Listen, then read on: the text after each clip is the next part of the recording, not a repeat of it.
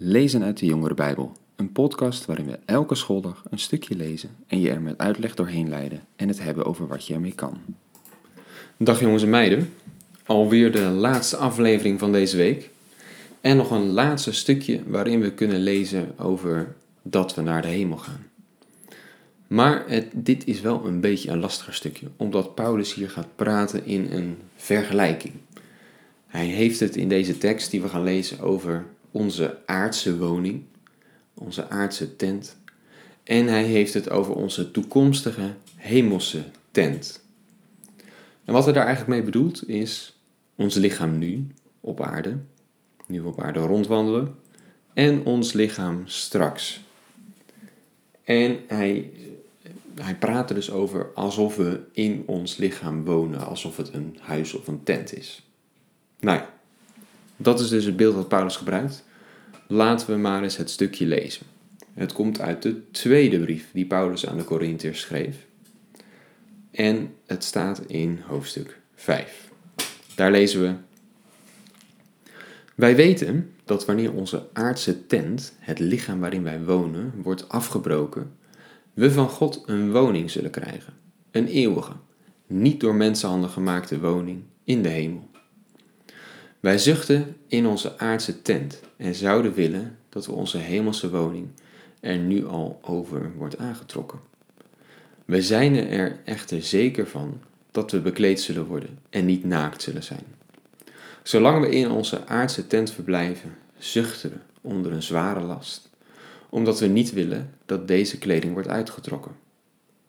We willen dat er een nieuwe over wordt aangetrokken, zodat het sterfelijke door het leven wordt verslonden. Hiervoor heeft God zelf ons gereed gemaakt, door ons de geest als onderpand te geven. Ja, wat ik al zei, een lastige tekst. Wat zegt Paulus hier nu eigenlijk? Hij zegt: We weten dat het moment een keer gaat komen dat we zullen sterven. Ja, daar is niet aan te ontkomen. En we zullen van God een keer een nieuw lichaam krijgen als we daarna weer zullen opstaan. Dat is wat we geloven. Maar eigenlijk, die situatie, dat we dus een keer doodgaan en weer een keer opstaan, dat is niet wat we het allerliefste zouden willen. Wat we eigenlijk liever zouden willen is dat we helemaal niet hoeven sterven, maar dat in ons leven Jezus al terugkomt en we een nieuw lichaam zullen krijgen. Ja, zoals ik al zei, er is een tijd geweest dat Paulus nog niet wist dat het langer zou duren. En dat hij dacht dat hij het misschien nog wel zou kunnen meemaken. Maar ja, dat was hem niet gegeven. Maar dat hij een nieuw lichaam zou krijgen, dat stond vast. Want hij wist dat God met zijn geest, met zijn kracht in hem aan het werk was. Dat merkte hij, dat hij anders in het leven ging staan. En hij wist ook dat als dat zo is, dat God met zijn geest in ons werkt, ja, dan weten we dat we erbij horen.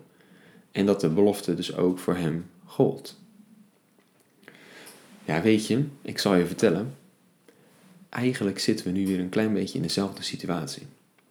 Ja, ik ga niet zo ver dat ik jullie een datum ga geven hoor. Dat zou je misschien graag willen, dat je het in je agenda kan aanvinken. Wanneer ik denk dat Jezus terug gaat komen en dat we een nieuw lichaam gaan krijgen. Dat weten we niet precies. Maar we denken wel dat er in de Bijbel best veel aanwijzingen zijn dat het ongeveer 2000 jaar zou duren vanaf het moment dat Jezus op aarde rondliep, totdat hij weer terug zou komen. Ja, weet je, dat duurt niet zo heel lang meer voordat die 2000 jaar voorbij is. Het zou zomaar kunnen dat wij het in ons leven gaan meemaken. Dat in ons leven Jezus nog terugkomt en dat wij dus niet hoeven te sterven. Maar ja, zouden wij datzelfde zeggen als Paulus?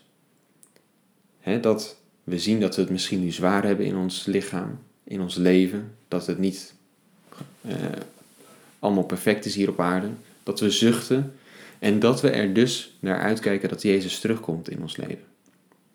Kunnen we dat zeggen? Nou ja, laten we nog een klein stukje verder lezen. Paulus zegt: Dus wij blijven altijd vol goede moed. Ook al weten we dat zolang dit lichaam onze woning is, we ver van de Heer wonen. We leven nu immers vanuit vertrouwen, zonder al echt te zien. Ook al zouden we ons lichaam liever verlaten en onze intrek nemen bij de Heer, toch blijven we vol goede moed. Daarom ook stellen wij er een eer in te doen wat Hij wil. Of we nu in dit aardse lichaam wonen of niet. Want wij moeten allen voor de rechterstoel van Christus verschijnen, zodat ieder van ons krijgt wat hij verdient, voor wat hij in zijn leven heeft gedaan. Of het nu goed is of slecht. Ja, Paulus die praat hier over dat verlangen, hè? dat verlangen dat Jezus in zijn leven zou terugkomen. Ik kan me zo maar voorstellen, als je nu nog jong bent, dat je dat verlangen nog niet zo sterk hebt. Je zou nog van alles willen gaan doen. Je zou nog van alles willen ontdekken. Je wil nog het leven proeven. Dus ik kan me voorstellen dat jullie niet gelijk, net zoals Paulus zouden zeggen, nou, voor mij mag morgen Jezus terugkomen. Weet je, het leven is mooi. En toch, als je wat ouder wordt, zal je ook snel genoeg merken dat er een hoop scherpe kantjes aan het leven zitten. Dat het op aarde allemaal niet zo heel erg rooskleurig is dat we heel erg aan het ploeteren zijn, dat er een hoop ellende gebeurt. Nou, als je dat merkt, en zeker ook als je merkt dat je lichaam je af en toe in de steek gaat laten, ja, dan ga je steeds sterker verlangen naar dat moment dat Jezus terugkomt. En dan mag dat ook best in je leven zijn. Maar, zegt Paulus, ja, dat moment is nu nog niet. We, we moeten er rekening mee houden dat we dat misschien zullen meemaken. Want als dat komt, hè, dan komt er een moment dat we ook voor God moeten gaan staan. En dan zal alles wat we gedaan hebben de revue passeren. Ja, weet je, dit is een mooie boodschap hè, die wij jullie altijd vertellen. Het maakt niet uit wat je doet, je wordt toch gered, want het gaat niet om wat je doet. Je zou dan zomaar kunnen denken dat het helemaal niet uitmaakt wat je doet. Maar dat is dus dat is niet waar.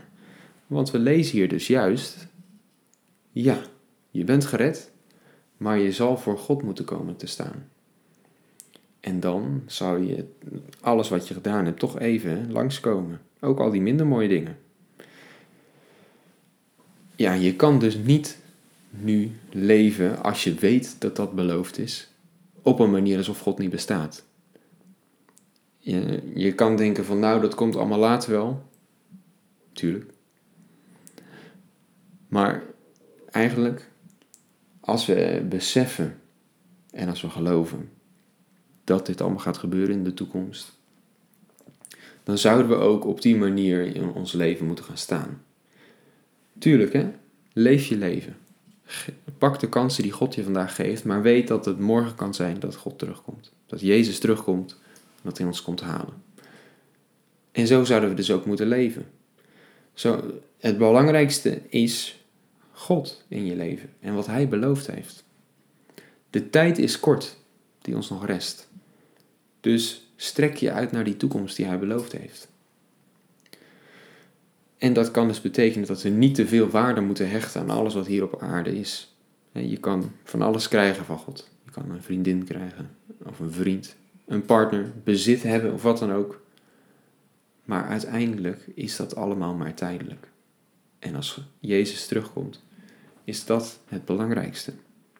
Hoe hebben we in ons leven gestaan? Hebben we ons daarna uitgestrekt en weten we dat het daarom gaat? Ja, hecht dus niet te veel waarde aan die dingen die hier op aarde zijn. Probeer zo in het leven te staan. Geniet vandaag van alles wat er langskomt, maar weet dat morgen is wat telt. Morgen kan Jezus terugkomen. En God, wat Hij van ons vraagt en wat Hij ons belooft, dat is echt het belangrijkste in je leven. Ik denk dat dat wel iets is waar we over na kunnen denken dit weekend. Volgende week gaan we weer verder. Tot dan.